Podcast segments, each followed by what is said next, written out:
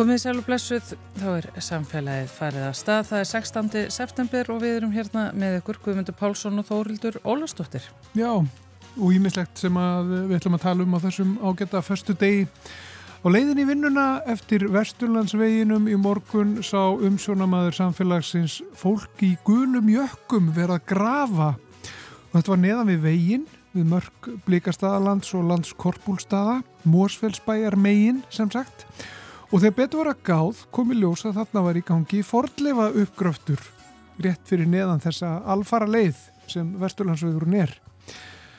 Herman Hjartarsson, fordlefafræðingur, tók vel í að spjalla við okkur í samfélaginu og leitt okkur í allan sannleikum hvað er þarna á seiði. Við ætlum að heyra af því á eftir.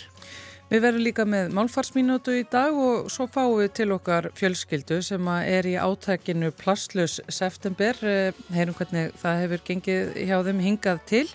En það er dagur íslenskrar nátturu í dag og við í samfélaginu höfum nú alltaf haldið hann hátilegan og fórum að hugsa um þau sem sækja náttúruna hér á Íslandi heim til þeirra sem er að selja aðgangin að náttúrunni.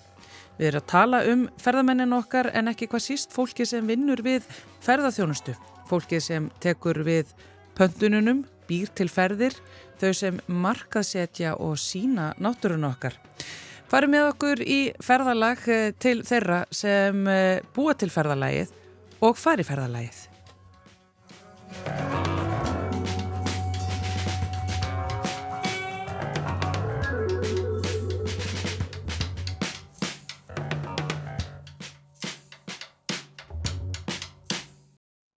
Og þá er ég sest hérna á einni ferðaskrifstofunni. Um, með mér eru maðgurnar Sigrún Elsa Smáradóttir og Ragnarður Anna Róbersdóttir eh, sem að vinna báðir á þessari ferðaskrifstofu sem heitir hvað? Hún heitir Iceland Exclusive Travels. Þetta er, við erum svona mest í prívatferðum fyrir svona bæði einstaklingar bara og fjölskyldur og hópa. Og fólk vil þá láta sér sniða að sér? Allir túra sem við gerum bara eru sér sniðunir af hverju mænum Já.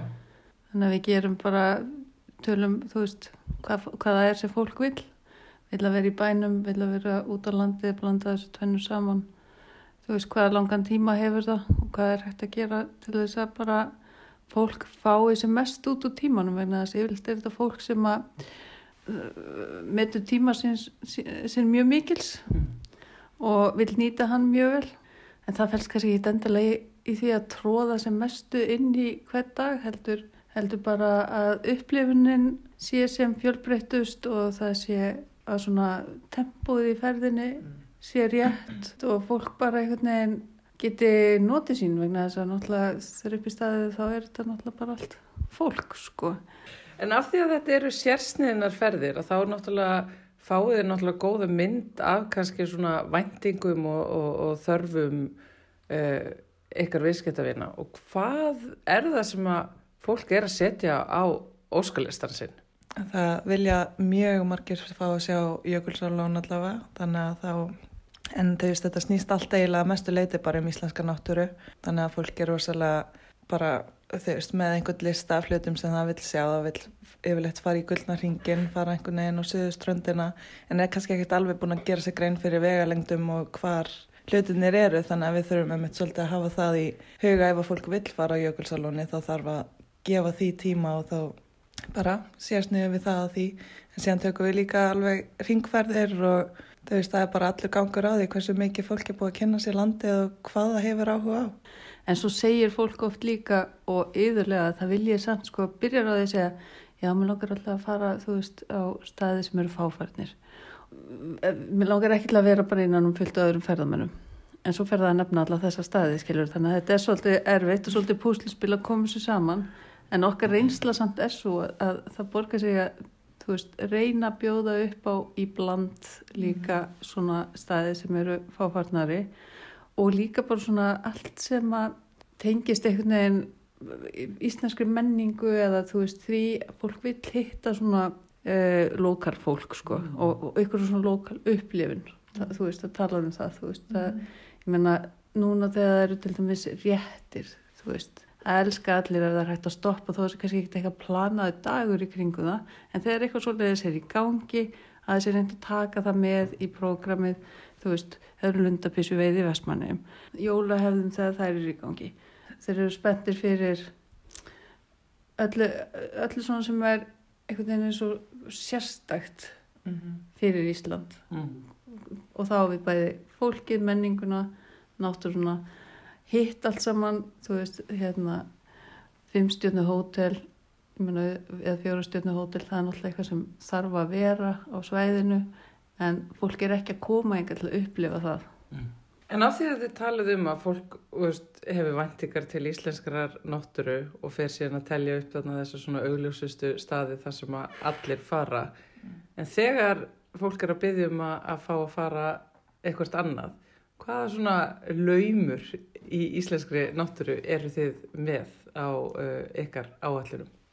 Við hefum til dæmis farið með fólk út í Flatey um, þar sem að eiginlega engin er þannig að það er alveg hægt að eða rosalega lítið af fólki náttúrulega og það er bara kyrðin sem að fólk hefur aldrei upplifað í lífinu sínu að fara þangað.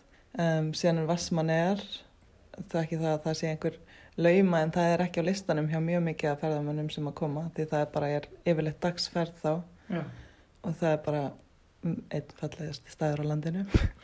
Svo hefur við náttúrulega byggt upp aðstöðu upp í kvítarsýðu þar sem við getum þá verið með fjölskyldur eða litla hópa og getum þá haldið utanum bara uh, hópin eins og við viljum hafa það þá elda fyrir hann og, ja. og svo framvegis hægt að hafa einhverjar litlar kvöldvökur og byggja upp svona uh, já, svolítið eins og sumar bústaði stemningu svona kannski meðans meiri svona stæl Eitt af því sem að hérna, Íslendingar hafa förð þessi á með útlendingar sem að koma heimsækja landið er það að þeir eru heillast oft af öðrum hlutum heldur en það sem við heldum að þeir myndu verða uppveðraðir yfir. Hafið þið tekið eftir einhverju svona óvæntu veist, að, að fólk sé að staldra við eitthvað sem að þið bara eitthvað, uh, já, þau hafa áhuga þessu? Mér finnst allavega, ég, ég hef alltaf tekið eftir því svolítið að fólk er í sjokki við hvað heiminin er blár, eitthvað sem ég hafi aldrei hugsað út í sko en það segja það allir bara vá hvað heiminin er blár, bara hafa aldrei séð á bláan heimin um, síðan náttúrulega bara loftið bara hvað það er reynd og tært og þeim líður vel hérna sko kvíðastundum fyrir því að þurfa að fara og vera síðan bara aldrei aftur í þessu lofti sem er rosalega leðileg tilhugsun. Það er náttúrulega líka til við búið af þetta sem Ragnar var að telja upp náttúrulega svo byrtan, fólki finnst byrtan hérna mjög sérstök. Almennt séð, það sem kemur fólki líka óvart er hvað maturinn er góður hérna. Maturinn svona heilt yfir á Íslandi þar sem fólk hérna er að stoppa allar borða er mjög góður segja það. Mm. þó hann sé náttúrulega rán dýr og það segja það náttúrulega líka sko. Eins og fólki sem við erum að skera ferði fyrir það er náttúrulega flest hvert á á, á tölversta peningum sko. En það samt sem áður sko er með alveg við mæli hverða annað fólk bara með þú veist eins og veit alveg hvað bjórglas kostar. Og, og, það, og, og fólki finnst það þó þú sé að borga fullt fyrir ferðir og, og þá samt sem þú tekur það svona mælikverða líka og er ekki imprest Hvað er skemmtilegast við starfið ykkar? Mér finnst, mér finnst persónulega skemmtilegast þegar ég klára ferð með fólki sem er bara, er bara að gera eitthvað bara bucketlistanum sínum og er bara ótrúlega ánægt með allt saman. Og maður er bara búin að kynnast einhverju, já bara einhverju nýju fólki sem að já, bara, var bara að fá að gera það sem að þeim bara að dreyma um og maður einhvern veginn leta svolítið gerast.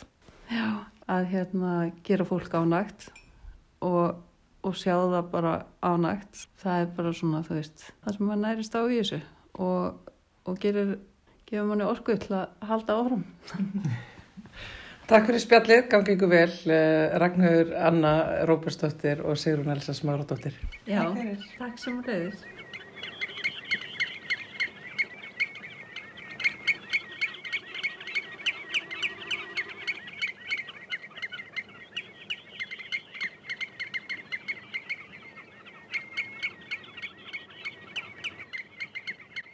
Og áfram ætla ég að uh, heyra í fólki sem að er að já, selja einan gæsalappa náttúru Íslands eh, selur aðgang að náttúrunni og fer með fólk um náttúruna. Að þessu sinn er það Perla Magnúsdóttir sem hefur unnið í mörg ár við að selja færðir til útlendinga og er núna farin að leiðsega sjálf ekki satt Perla. Heldur betur, þetta er bara, það er svo margt skemmtlegt í íslenskri ferðarþjónustu og nú er ég bara búin að vera heppin að fá að, hvað, starfa við þetta í, ég var að segja svona 10-11 ár, þannig að bara það er nóstuð, skal ég segja þér.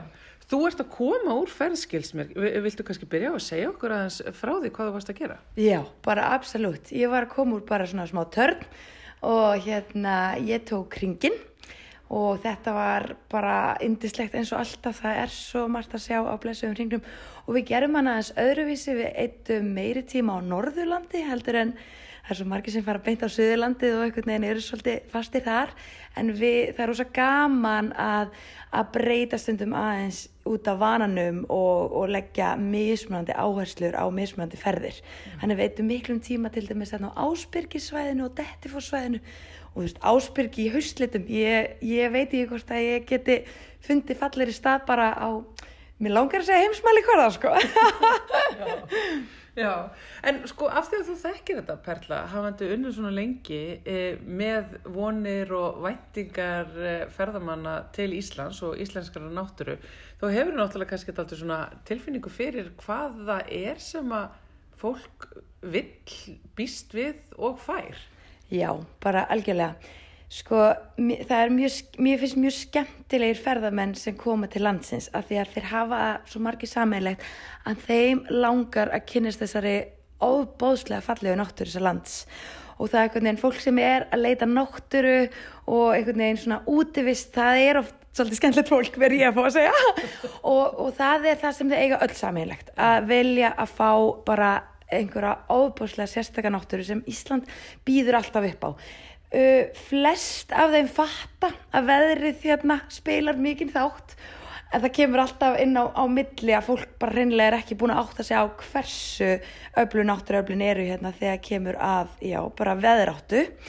Og já, það, maður hefur séð að hérna, maður er alltaf að reyna að undirbúa þau þú veist, að hérna passa upp á þau sé að pakka rétt og, og aðeins að væntingastýra maður getur að því að þú veist eins og núna að búin að vera dásamlegt veður á Íslandi hvað ég var að segja síðustu eina, tvær vikur en þetta er náttúrulega ekkit alltaf svona þannig maður reynir að undirbúa undir og mörgaðum eru vel undirbúin en það er ekkert að segja öll. Okay. þannig að, og svo núna erum við náttúrulega rúlein í veturinn og þá koma væntingar, ansi háar væntingar þegar kemur á norðurljósunum. Já.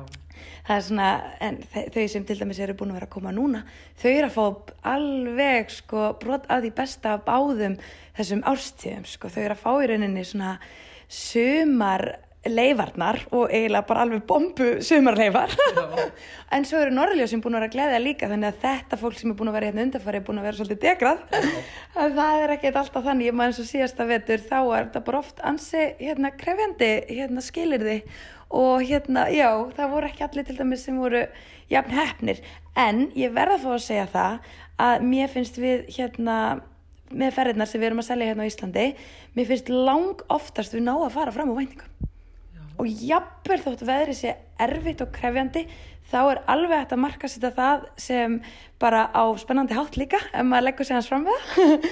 Og við erum líka með svo margt annað, þú veist, það er ekki bara náttúrun og við, við markasettum náttúrun okkar langt mest, en það er svo margt annað sem er ofta krytta með eins og til dæmis kemur mjög oft fólki óvart hvað við erum orðin frábær í bara alls konar mat maturinn hérna á Íslandi er virkilega flottur og það er að koma fólki skemmtilega óvart og við auðlýsum það alls ekki af mikið eins og náttúruna til dæmis og svo er það bara þessi indislega menning líka, það er hérna allar þjóðsöðunar og öll svo stemning sem fylgir svolítið því hvað hva, það er mikið svona frásagna gleði hérna í, í bara þjóðin okkar. Þannig að við hefum kannski kert svolítið meira á náttúrunni af því að hún getur fengið stuðning frá meir öðru. Já, bara algjörlega og, og það er svo skiljanlegt af því það er kannski svona, þetta helsta aðráttarafl og það er svona kannski megin Uh, ástæða þess að fólk er að sækja engað en það er svo, svo, svo gaman þegar annað stiður undir og er að koma skemmtilega, skemmtilega óvart þegar, þegar hérna, náttúröflin eru kannski aðeins að stríða okkur eins og við þekkjum svo vel íslendingarnir mm. en, en Ísland er bara svo einstakt land og mér finnst það svona að skýna yfirleitt uh, svo skýrt og, og skært hvaða er hérna uh, ólíkt öðrum löndum þegar kemur að þá kannski einna helst náttúrunni en í rauninni margt annað sem kemur líka skemmtilega óvart. Mm. En Perla, hvaða náttúrufyrirbreiði eru það sem að fólk sækir helst í á Íslandi? Sko, ég myndi segja að fossarnir koma ansið sterkir inn og maður fær ofta einmitt svona spurningar bara hvað eru uppáhaldsfossarnir eða hvað eru margi fossar á Íslandi? Og maður er bara eitthvað, ég bara, það er alltaf að svara því fjölbreytnin í þessum fossum á þessu landi er stórfengleg ég er alltaf að segja að þau eru bara allir með sinn persónleika stærð og form bara eins og við fólki þú veist, þú ert bara alltaf að fá að kynast nýjum og nýjum fossi. Og ég veit að kannski hljómar skringilega fyrir okkur við erum, horfum kannski aðeins aðra við sátt en þau, en þetta er þessi, þetta vatn á þessu landi er svo einstakt. Alls konar form vass og, og það er náttúrulega, svo erum við líka með hverina og alla þessa, bað, alla þessa frábæru baðstæði til dæmis og svo erum við líka með þú veist, öll þessi frábæri stöðuvötn og fólk er að fara í silfur á þingvöllum og þú veist, hérna svona snorkla þar og það er veginn, mér finnst þessi vass eiginleiki þessa lands alveg einstakur mm. og þetta er til dæmis, það er því, því miður við að skortur á vatni í heiminum orðin og þetta er bara, þetta er einstakt að, að hafa bara vatn í alls konar formi bara út um allt sem er bara, og þú veist, þegar maður er að díla við erfiða regningardaga þá þarf maður svolítið bara að minna að sjá þetta. Já. þetta er einstakt. En Perla, sko, bæði þú ert að selja ferðir og þegar þú ert að leysa fólki er eitthvað sem að þau hafa áhuga á sem að þú ert bara ha, Vil, viljiði skoða þetta? ok, frábær spurning. Það gerist einstakar sinnum en ég verður samt að við oft er þetta eitthvað sem maður tengi við. En mér, ég verður að fá að segja það að fá að starfa með ferðamönnum bæði í ferðarskipulegningun sölu og svo hitta þau. Mér, ég verður svolítið þau einhvern veginn sko uh, þau eiga oft til að fylla mig andagift og opna augun mín fyrir hversu magna þetta land okkar er. Og það er svolítið gaman einhvern veginn að, að hérna, fá að heyra þetta allt og einhvern veginn baða sér svolítið í bara landið þetta er svo frábært og maður er eitthvað svona Herru, já, ég, ég er bara ókslega sammála, þú veist, þetta er alveg, þetta er svolítið magna, sko. Þannig að hvað, kemur þú bara út úr ferðum bara svona uppfulla af ást og auðmíkt, gangast Íslandi og náttúrunni? Ég held ég verði bara algjörlega undir það, já, ég geri það í rauninni. Mér finnst þetta, mér finnst forrættindi að fá að starfa uh, við að selja og upplifa þetta frábæra land með fólki sem er með svolítið svona fersk augu fyrir því.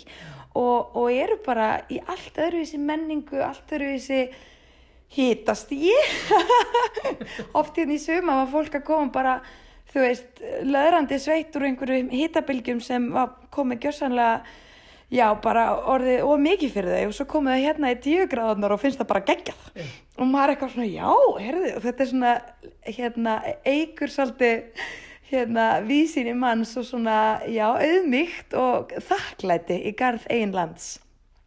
Perla Magnúsdóttir, takk hjá það fyrir spjallið. Takk sem við leiðist, þetta var æðislegt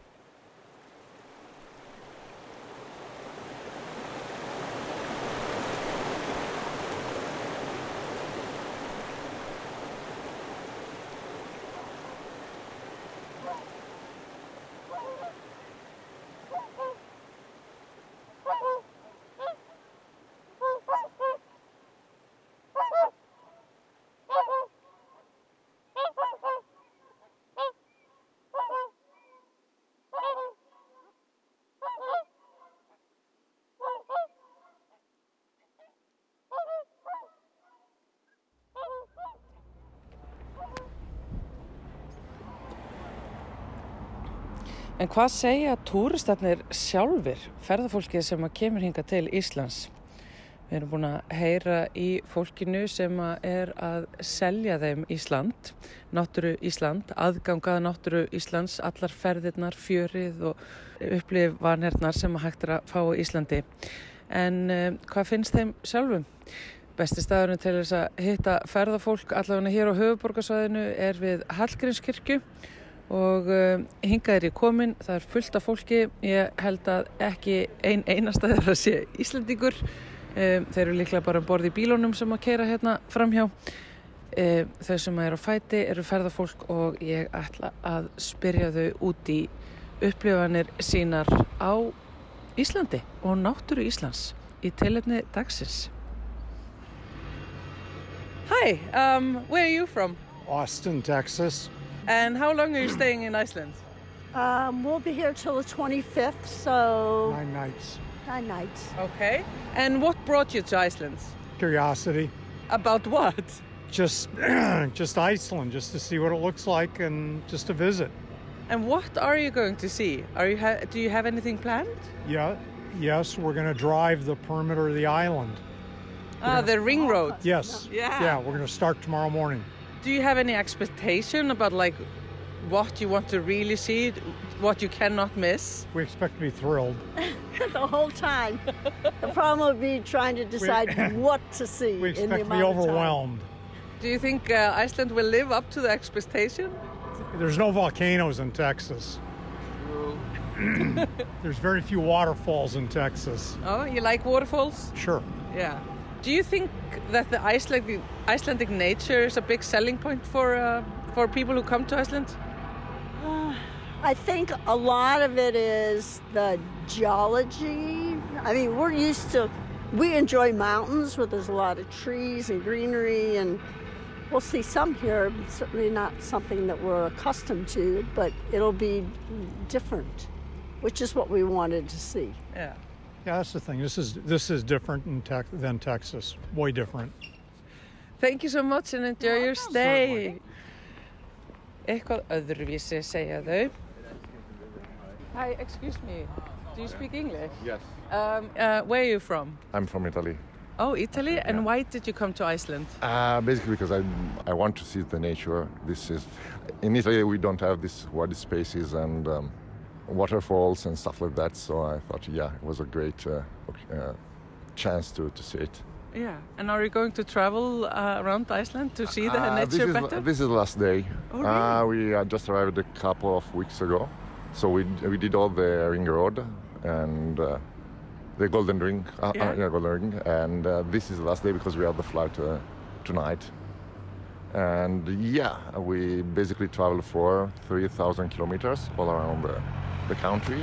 Yeah, we, we are a group of 18 people, and yeah. Okay, so what did you like the most?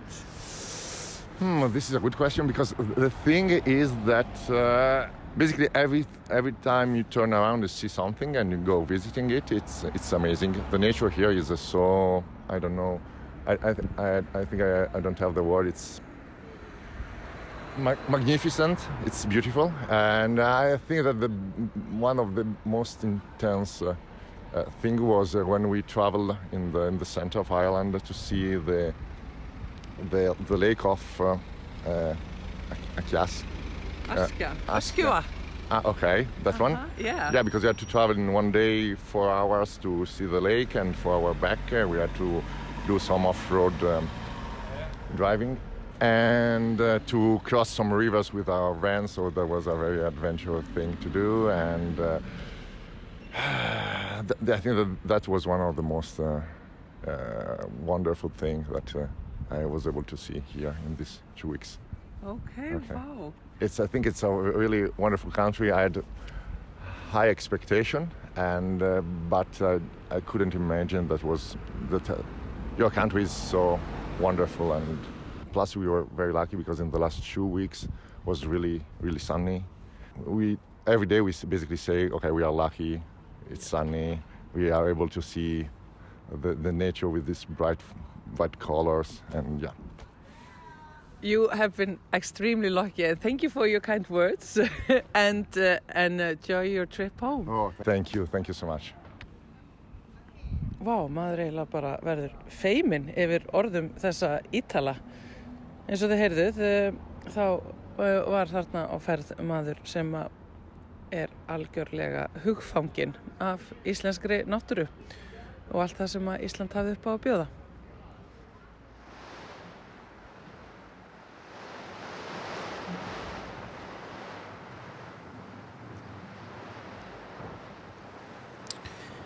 Þetta er rók, hljóðu sem þið heyrið þarna undir aðeins að endur segja það sem kom fram í samtali mínu við útlendingarna við Hallgjörnskirkjum. Þetta voru hjón frá Texas sem að töluðu þarna fyrst. Þau eru búin að vera hér á landi í nýju nætur eða ætla að vera næstu nýju nætur hér á Íslandi. Þeir eru mjög forveitun landið, fara ringvegin segja þau og búast við miklu. Vilja sjá eldfjöll og fossa. Sjá eitthvað öðruvísi og telja að Ísland sé vissulega allt öðruvísi en Texas. Og svo rættu við þarna við Ítala sem hefur verið hér í rúmar tvær vikur með átjónumanna hópi. Þau eru búin að fara víða. Hann talar um að þetta séu líklega 3000 kilometrar sem þau hafi farið eh, síðustu vikurnar og þau sáu alltaf eitthvað. Náttúran hér er fullkonlega stórkosleg, sagðan, og falleg. Það er eiginlega orða vant, greið Ítalanum. Það rosalegasta sem hann sá var öskjuvatn, það var ferðalagi þangað sem var svo aðteglisvert, náttúrulega yfir erfiða fjallvegi að fara og yfir ár og það var mjög ævintýralegt að þeirra mati. Hann kominga með miklar vendingar, sæði landið hafa verið algjörlega indislegt, þetta hefði verið miklu meira og betra en hann ímyndaði sér en hann var líka mjög meðvitaður um að hans hópur hefur fengið mjög gott veður. Um, saði mér einmitt líka frá því þarna eftir að við vorum búin að spjalla hann hefði ætti vini sem hefði komið til Íslands og það hefði ringt á þau allan tíman þannig að þetta er svona stundum hann fer mjög auðmjúkur og bljúur að landið brott er að fljúa í kvöld og eins og ég sagði hann var fullkomlega í skíunum Takk Ísland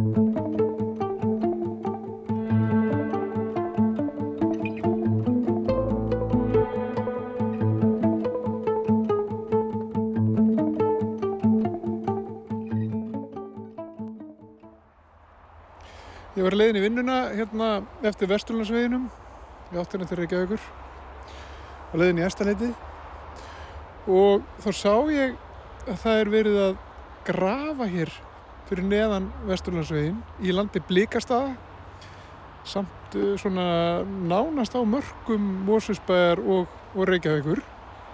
Hér er verið að grafa og það er ímislegt sem er komið hér í ljós uh, í þessum uppgreftri það eru fornminir og ég er statur hérna með Hermanni Hjartarsinni sem er fornlega fræðingur og var kallaði til þegar það þurfti að, að kíkja hérna aðeins undir undir uh, jörðina hvað erum við að gera hér?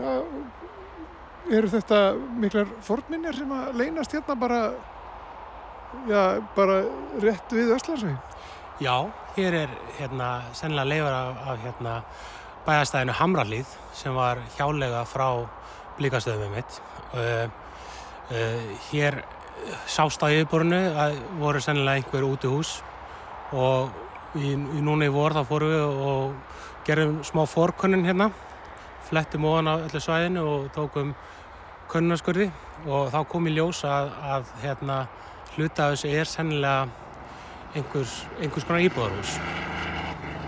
Áður á að tala að íbúðarhús hafi staðið aðeins hérna nær Vestlandsveginum eh, en, en hvort að þetta er þá einhver aðeins eldri, eldri hluti þess áður en að ferður bærin vitum við ekki alveg og stendur en við erum að reyna að komast að þessu öllu. Eh, en við erum reyna komin inn á einhver, hérna, einhver hýpilishús. og við erum bæði sennilega komin með eldhús við erum að koma niður á eldstæði hérna og, eða hlóðir um sínist og, og sinni erum við aðeins að komast niður á, á gólfin á annar staðar hérna í öðru rými líka sko. en þetta hefur verið greinilega eitthvað kvotbíli því að þetta er ekkert ekkert voðalega hérna já, þetta er ekki voða stórt sko, mm. hýbilinn sko.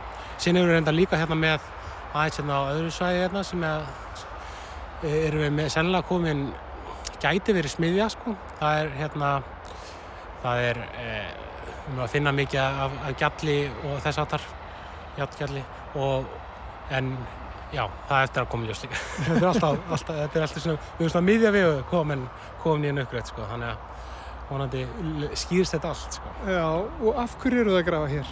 Eh, það er semst að vera að fara að byggja hérna eh, Vestlandkjarna og innarkjarna ég held alveg örugla eh, sem ásennst að vera á, á þessu svæði og það er helgarnar framkvæmt og þetta er svona í jæðri svæðisins sí, hérna húsin eru hérna og það er raunir nokkra fordlega sem sleppa þannig séð við einhvern fordlega en þetta er svona það, það stæsta og við munum hérna, já skoða það.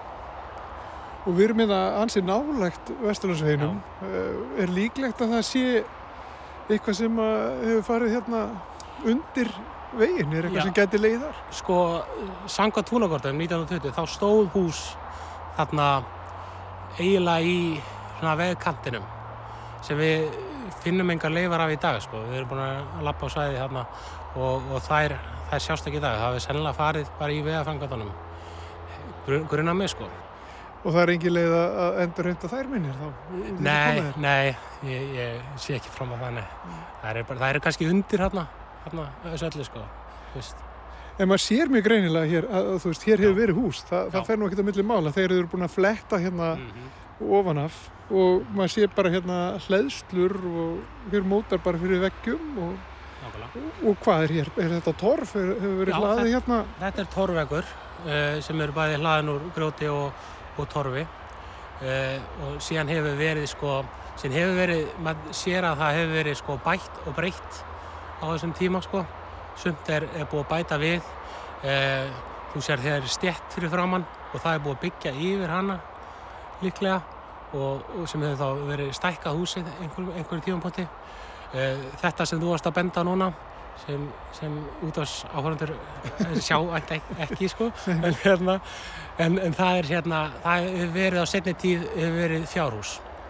Uh, þetta, Hvernig vitið það? Hvernig sjáum við það? Sko það, það sem við sjáum er er, er bara formið á þessu uh, það er svona hindur af, af smá garða sem, sem, sem, sem heiði var lagt á sko þarna í öðrum endanum uh, en En, en það er, hefur sennilega ekki verið í langa tíma því að það er byggt svona svona von á, von á öðru sko. Mm -hmm. og, og, hérna, og það sem, það sem við erum að vinni núna er unni ekki þetta fjárhús heldur það sem er við hliðina sem er einhvers konar, einhvers svona önnur rým og íbúðarhús. Vitið hvað þetta er gamalt? Ef þetta er, ef þetta er eitthvað tengt þessu, já þessar hamra hlýð sem þú nefndir aðan sem var kvotbíli hér, já. ef þetta er Við talum ekki um þetta er bara hamralíð, vitið þið hvað þetta er gaman? Eh, þetta er, sko, sko heimildir segja að hamralíð hafi ekki verið byggðara fyrir enn 1850 um það byrj. Eh, það er, þú veist, heimildir segja reyndar ekki alltaf allt, en, en það er, er ágætisvinning. Og reyndar eru gripinir að, að segja okkur svipað hluti. Við erum að finna, sagt, eh, leirker frá, sem við vitum alveg eru frá þessum tíma, sko, þú veist, á 19. öld og sínum við reyndar búin að finna finna líka mynd frá, frá 19. öld sem er enda frá 1890 sko að, að svona, svona, svona sem er komist næst allan og reynda miðla farin og, og svona aðri gripir segja okkur að þetta sé, sé allt 19. öld Já. En ef þið myndu grafa dýbra, er þá líklegt að þetta sé byggt ón á einhverju eldra? Eh, mér finnst það ekki líklegt en það, maður, aldrei, það er, maður veit aldrei hérna, það geti alveg komið eitthvað eldra en hérna kemur ljós. Og þetta er alveg nálægt hérna bara byðinni og, og, og þessum vegi, þessum fjölfarna vegi uh, sem hefur nú verið, já þetta er ekki nýrvegur, þetta er ansið gammal vegur, það hefur verið leið hérna já, já, mjög langan tíma. Uh, hverfur bara svona uh, hús og svona hýbíli hverfaði bara með tímanum og falla bara í gleimsku og, og engin veit fyrir en það er farið að moka og, og leta. Já, það er náttúrulega, það sást eitthvað í yfirborðið, sko. Þess vegna, hérna, var nú ráðast í þetta. Þú veist, það er, það er gerða fordlega skráningar, þar sem er gengið um, um, um allt, sérstaklega eða farið eitthvað deliskipla eða allskipla og þá er gengið og skoða hvað sést á yfirborðið. Hérna sást á yfirborðið e, þetta fjárhús og, og síðan eitthvað ógreinlegt hérna við hliðin á því. Uh, og, og þess getur smíðan eða hvað? Nei, grá. er sérst þarna hínum megin sko. Ok. hún, hún sér, sér það ekki en, hérna, en þarna eru við sennilega með einhver, einhver hýbilshús Já. uh, já, og það er, var mjög ógreilegt það var bara sko, bara, sáum bara bungu upp úr jörni og, og það var, all, það var alltaf skráð sem, sem útihús sem uh, út af því að það er allt, reynir allt sem sagði, sagði að það væri það sko. En síðan sem kemur sennilega næði ljós En það er samt ekki, heimildi til miklar um þetta eða hvað? Ég meina þið sjáu bungunar og Já. ég meina það eru margar bungur hérna. Já, það já. er ekki það ef við lítum inn í kringum og sumt að ég er forlega reynd hérna, þess vegna erum við líka búin að taka hérna svona könnunaskurði svona á svona út um allt eila hérna á svæði til að aðtöða hvort að þessa bungur segir sé, sé eitthvað. Og það þetta er eh, því svo hérna bak við okkur er, er, er garlag sem kom tó, úr Torgarður sem að sem að vitum í hvort það er tungarður eða þá er, er hérna leifar af sennilega matjúrstakarði eða getur líka verið eldri tungarður sem er notað senna, setna sem hluta á honum sem hérna vekkur í matjúrstakarð Hefur kannski að rölda hérna Já, eins og röltum að þessu sagði. kí, kíkja í bæinn eins og Já, maður segir. kíkjum í bæinn, gang, gangt í bæinn Hérna erum við að, að ganga, ef þú gengur hérna þá gengur inn með ingangin sennilega Já. á þessu sagði sko. Eh, Hér hafa verið bara dýr. Það er svona. Við gungum inn. Sko, hér erum við ekki alveg búin að komast að hvað þetta er. Þetta svæði hérna sem við erum akkurat á núna, sko. En hérna er hliðin á okkur, þar var, þar var Eh, Hva, hvað er stóri steinir hérna í miðinni? eh, Það er bara mjög góð spurning. Eh, Við veitum ekki alveg hvað hann kemur. Hann er sko, hann er sennilega einhvern veginn færst til og er þá partur af einhverjum vegg hérna. Og- En hann á alls ekki að vera þetta. Hann er ón, ón á hérna svona torrunni sem var hérna og hann á alls ekki heima, heima þarna sko því hann er ekki einu sinni á gólfinu sko sem hefur verið hérna, sem við erum svona alveg að koma. Eh, hérna á liðan okkur eru sennilega með eldstæði og einhvers konar eldhús og og og það er allt hérna það, þetta er þetta bleika sem við sér hérna, þetta er móaska sem kemur, sem brendur mór og sem eru kóleifar inn á milli sko. Sem er komið úr þessi eldstæði svona fyllist þetta bara allt og gólfið verður bara að hérna svona svona móasku lag. Og þetta er bara mjög greinlegt. Já, þetta er mjög grannlegt og, og þetta er komið fram í nefnum. Uh, og síðan erum við hérna með ingang í þetta og eftir að grafa hann niður og hann er þá inn í þetta. Þetta er bara svona þröng göng. Já, þetta er bara þröng göng og sennilega inn í næsta rými sem að, sem að hún ástæðir þarna að grafa. og, og eða hvernig það tengist sjáum við ekki alveg ennþá en það kemur ljós örgulega bara næstu hugun. Ásta, er eitthvað aðna?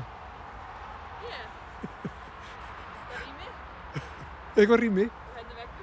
Já, veggur og rými. Það, Já. það segir, það er, ég meina, er það ekki það sem hús er? Það er það sem hús er. Veggir og rými, Veggir og rými og gólf. Já. Já. Og hér, hvað, skeppnur eða hvað? Já, þetta er, þetta er greinilega sko y- yngra hús sko. og það er hérna byggt ofan á, við erum með annað mannverk hérna bakvið og það er greinilega byggt sko á því og þarna er annars Sofía aðtöku hvort það sé yngangur þarna á milli þessa rýma sem hefur þá einhvern tímapunkti verið sko fyllt upp í og lokað. Og og, og um, hvað það er hvernig, hvernig það tengist mun komið ljós. Og þarna hinum einn er, er Þóra að, að hérna grafa í það sem við höldum núna að sé, sé gæti verið einhvers konar smiðja sko. Hún er að finna mikið af játgjalli og, og svörtum lögum. Og e, sennilega hefur það setna meir e, verið gert úr þessari tóft matjúrstegarður því að við sjáum það, það sást hérna yfir bara stallur eins og, eins og vennilegur matjúrstegarður frá upphafi 20. aldar er sko. Uh, og en þau gróum tókum konnarskur í gegnum þetta sáu að það var einhver bygging hérna og, og hún er að grafa hana en ekki leifar að því eftir sko Eru fleiri uh, svona einhverju staðir sem að þið myndu vilja fá að grafa hérna áður, áður en koma hérna með jarðítunar? Já, já, eh, þetta var bara okkar verkefni og við bara ekki stöndum það sko. Hérna, það, það er minnjastofnum sem setur, hérna, setur, setur þessa kröfur um, hvað skal grafa og, og við líðum þeim. Já, og við erum bara fengið til verksins og, og, og gerum þetta. Já, og þið eruð? Við erum hérna eh, Antíkva heitir það fyrirtæki sem er fengið til vexins um, og við erum hérna uh, núna erum við fimm talsins hérna en við höfum verið upp í sjö.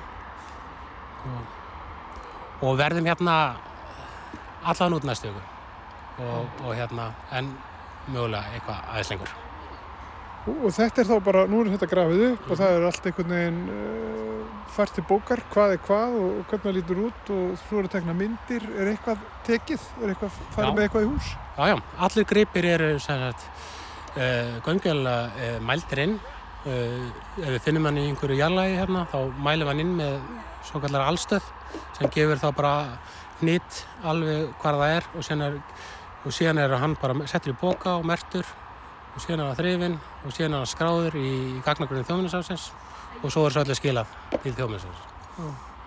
og, og þar verður það í, í geimslum sannlega hafnafyrði Já, hérna sko þá eftir að byggja hérna íbúðar uh, íbúðakverfi Já. líka hérna í landi blikasta nærmúsusbæs um, er líklegt að þú þurfa að grafa þar, veistu það? Ég, það, það? ég bara þekki það ekki, ég verði að veikana það, að hvernig, hvernig staðan er á því verkið. Sko. En er einhverja bungur og svona? Já, það, það eru, það eru forlegar hana mjög miklar inn á Blikastalandur, sko. Og, það er, og, er þekkt? Sko. Já, já, það er þekkt og það hefur verið skráð, sko. Og, og hérna, og það, hvort það lendir ákvæmt undir, hérna, svæðinu sem á að byggja og veit ég ekki alveg sko. Það kemur þá bara ljós og verður þá vantalega grafið Já, ef þess þarf þá verður vantalega gert. Er, er líklegt uh, heldur að það sé margt sem hefur farið undir bara ég meina í svona framkvæðum sko. hér áður fyrr já, uh, heilu, já. Sko, þegar að vera að reysa hér heilu já, hverfin og það hefur gerst ansið hratt með þessi stundum sumstaðar og vegagerð náttúrulega og, og allt þetta. Heldur að það sé margt sem að hefur hefur horfið og við hefum mist af. Alveg öruglega, skipulagi hérna forlegaskranning byrjaði ekki fyrir en eh, upp úr 1980 og, og hérna og fór ekki að staða að miklu ráði fyrir bara á, á, á sko á síðustu árum og orðtugum eh, og, og það er alveg mjög mikið sem hefur farið undir í gegnum stöðtöfstældina sko. Mm. og því miður sko. En, en nú erum við að reyna að gera þetta betur vonandi. Já, og það er margt ymmit sem leynist hérna bara uh, bara í, í aðri uh, höfuborgarnar þá er bara ýmislegt sem að á eftir að skoða og, og grafa og, og finna. Ekki spurning sko. Já. ekki spurning. Herman, ég ætla að hleypa þér í vinnuna. Já, takk fyrir það. Ég ætla ekki að dublaði meira Takk hella fyrir hérna, bara, Takk fyrir að leiða mér að skoða þetta og, og gangi ykkur vel áfram. Takk, takk fyrir það. Eru þá akkurat er þið rétt hérna eitthvað lítið glas sem að koma hérna upp. Já, þetta er sennilega liðaglas við fáum kannski álit Þetta er alveg he heilt liðaglas fullkomlega heilt því sé það er ekki þannig að ekkert inn í því. Getur verið hérna kortappi. Ég er bara líka að sé ykkur merkinga þannig að við sjáum hvað fyrir hvað stundur hérna? 15, 15. 15 millilitrar Ég get þessum ekki sagt neitt, nei, ég veit það ekki. Ég get ekki sagt það. Einhvers konar liv, sennilega. En þið finnast ekki að það er alveg fullkomlega heilt þannig að það, það er sjálfgeft Já. En það er hægt að finna út úr því setna sko, maður þarf bara að skoða bækur og googla og svona fá álítið öðru. Já. Það er alveg spennandi. Þannig að hérna hefur einhver geimt líf. Já. Þarna, byttu við, hvað voru að, hvað voru að grafa? Þetta er það sem voru að grafa nást aðan. Já, já. Einmitt. Það sem sagt fannst beint fyrir framann torveikin. Uh, fyrir utan mannverkið. Mm En auðvitað, náttúrulega þegar, sko, þegar svona bær fyrir úr byggð og fyrir eyði, þá náttúrulega grípur fólk ekki allt kannski, en, en flest er það ekki. Ég menn, er þetta ekki eitthvað sem hefur bara, er rusl eða Það- týnst eða eitthvað það slíkt? sem, við, það sem við finnum er, er yfirlt ruslið sko, hjá fólkinu. Eða þá það sem hefur mist kannski í torgólfið og hefur einhvern veginn krafist undir það tínt sko. Það er oft, oft sem greipir finna, finnast þannig sko. En yfirlt er þetta eins og segir það sem fólk hendi frá sér sko. Það er með segir okkur svo mikið um fólki sem bjóði hérna. Það sjá ruslið og við myndum bara skoða ruslið heima hjá okkur og hvað erum að borða og Já. hvernig við, já. Haldið að fórlega fræðingar framtíðarinnar verði bara trilltir hérna í Guðunisinu, gamla öskofunu þar og, og, og í Alsnesinu núna, verður það bara Hvað- hvað- hver veit, hver Rosa- veit, já, alveg. rosalega uppgrip Skemmtilegt sko. Það getur spennandi.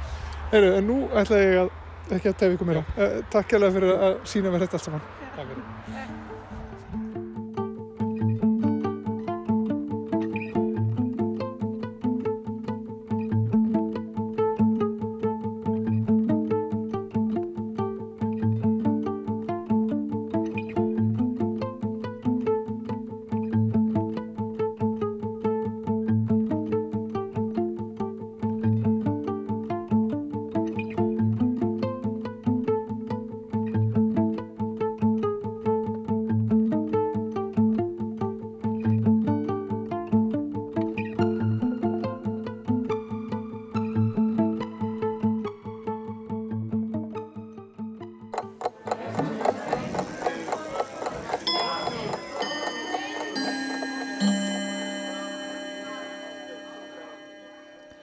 Hvort á að segja að eitthvað sé haft á bóðstólum eða á bóðstólnum? Hvort tvekja heyrist og ég er ekki frá því að eintalan sé orðin algengari. Allavega sé ég hann oftar. Handbækur og uppflettirinn viðurkenna bara fleirtöluna og skýrt er tekið fram að bóðstólar sé karlkins orð í fleirtölu. En ef orðið er bara notað í þessu fasta orðasambandi og ef fjöldi fólks getur auðveldlega sagt á bóðstólnum og ef það breytir merkingun ekki stórkostlega, er þá einhver leið að segja að það sé ránt? Jafnvel þótt að skeri í hlustutnar eins og krít sem skrapar töflu. Orðatiltæki breytast stundum eins og aðrir þættir málsins og þess vegna geta þau verið til í fleiri en einni mynd samtímis og það er bara allt í lagi.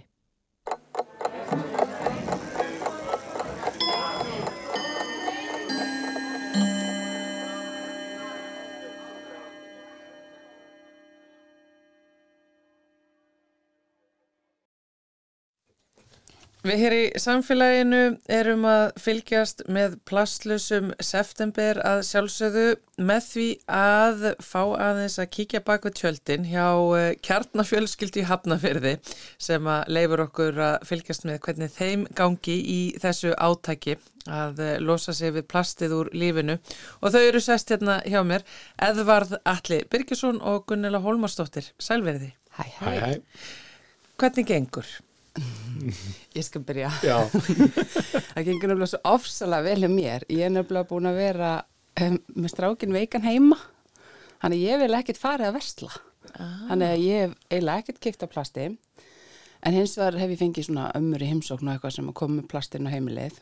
En ég tók eftir því núna þessa viku. Við vorum nefnilega með, eins og ég talaði um seinast, við vorum með svona undir vaskinum fyrir plastið, svona íka dungur, ég man ekki hvað sé, 5 litrar eða eitthvað og svo erum við annan inn í geimslu sem er töluvert stærri og það er bara ekki þurft að losa hérna undan vaskinum þessa vikuna.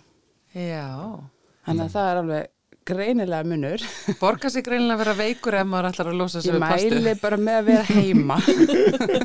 bara einangröðu frá öllu Já. Erst þú að upplifa þetta líka, Edvar? ég, ég sko ég hérna uh, hef ekkert veslað inn heldur ekki neitt ég, ég bara, en ég hins vegar er með þann ósið að ég hérna uh, tek svona nikotínpúða og ég keipti þannig og það er plast. Og þá fattaði ég eða sem það er plast ílátið það er umbú, umbúðunar eru plast sko. Og þá fattaði allt í einu bara ég er ekki búinn að flokka þetta plast. Því að þegar þetta er búið þá einhvern veginn svona að því að þetta er náttúrulega löstur þá svona hendi þessu bara í ruslið bara svona að því að, að, því að tilfinningin er bara þetta er svo mikið rusli á ekki að vera með þetta og, og ég er bara búin að henda þessu í rusli algjörlega bara ómeðvitað. ómeðvitað. Og svo bara að því að við vorum um mitt í þessu og einhvern veginn svona meðvitið um þetta þá var ég bara hver fjárin bara bara þannig að, þannig að það það verður allan og ég segi það við alla hérna sem eru, sem eru núna hérna að hérna, þetta er plast og það þarf að flokka það. Þannig að, þannig að það mun bætast í datin Já, þetta er kannski líka þá fyrir þau sem að reykja þetta nútið að taka plastu utan að sigarettupakkanum og svo þetta er plast og papir Akkurat, en akkurat. Þetta er ágættið sáminning þarna. Já, en þetta svona, þetta var bara svona rann bara upp fyrir mér þarna hvað er margt sem að maður bara tengir ekki Já. Bara eitthvað svona hendum þessu rusli. En svo erum við aftur á móta að fara að vera með afmæli. Já, bæði hérna dóttur mínu með uh, afmæli á morgun og svo á epi afmæli í, í næsta mánu og ég er strax alveg svona með smá pínu kvíða varðandi plasti sem fylgir öllu svona hátjárhöldum mm. og mhm. afmælum og gjöfum. Og plasti sem er, kemur einhvern veginn inn á heimilið utanfrá á svona stundum sko. Erstu eitthvað búin að hugsa um hvort að þú já, getur og ætlar að, að undirbúa þetta, stjórna þessu einhvern veginn? Já, 100% sko. Ég, hérna, við náttúrulega reyndar höfum alveg í langan tíma uh, verið að endun í þetta fyrir ammælisvöslur, skreitingar og allt svo leiðis og við óskum alltaf eftir frekar notuðu í gefir en það er bara alltaf eitthvað sko, það er alveg, alveg ótrúlegt en já, skreitingarnar eru allavega það sem við kaupum er ekki plast, við munum ekki kaupa neitt. Til að skreita með og reynum að fá frekar lánað. Það eru mjög skemmtilega síðan til dæmis á Facebook svona, það sem er verið að deila uh, skrauti fyrir ammali og annað Já, en sniðu. Ég skal koma með næstu öku hvað hann heitir, ég manna ekki núna. Já, ég hugsa, held að við getum bara stimplað inn bara skreitingar, skreitingar já, já, þá ætti það að byrtast. Ég til dæmis var færtu í sumar og tók niður allt bara mitt svona sem tegndist færtugu og leta áfram, ég er náttúrulega í vinkvenna hóp þannig að þær eru bara búin að fá að nýta það. Já, þessi blöðurur, fjórir núl blöðurinnar hérna og já. allt þetta, já. Og fánarnir og þetta bara búið að ganga mann á milli, sko.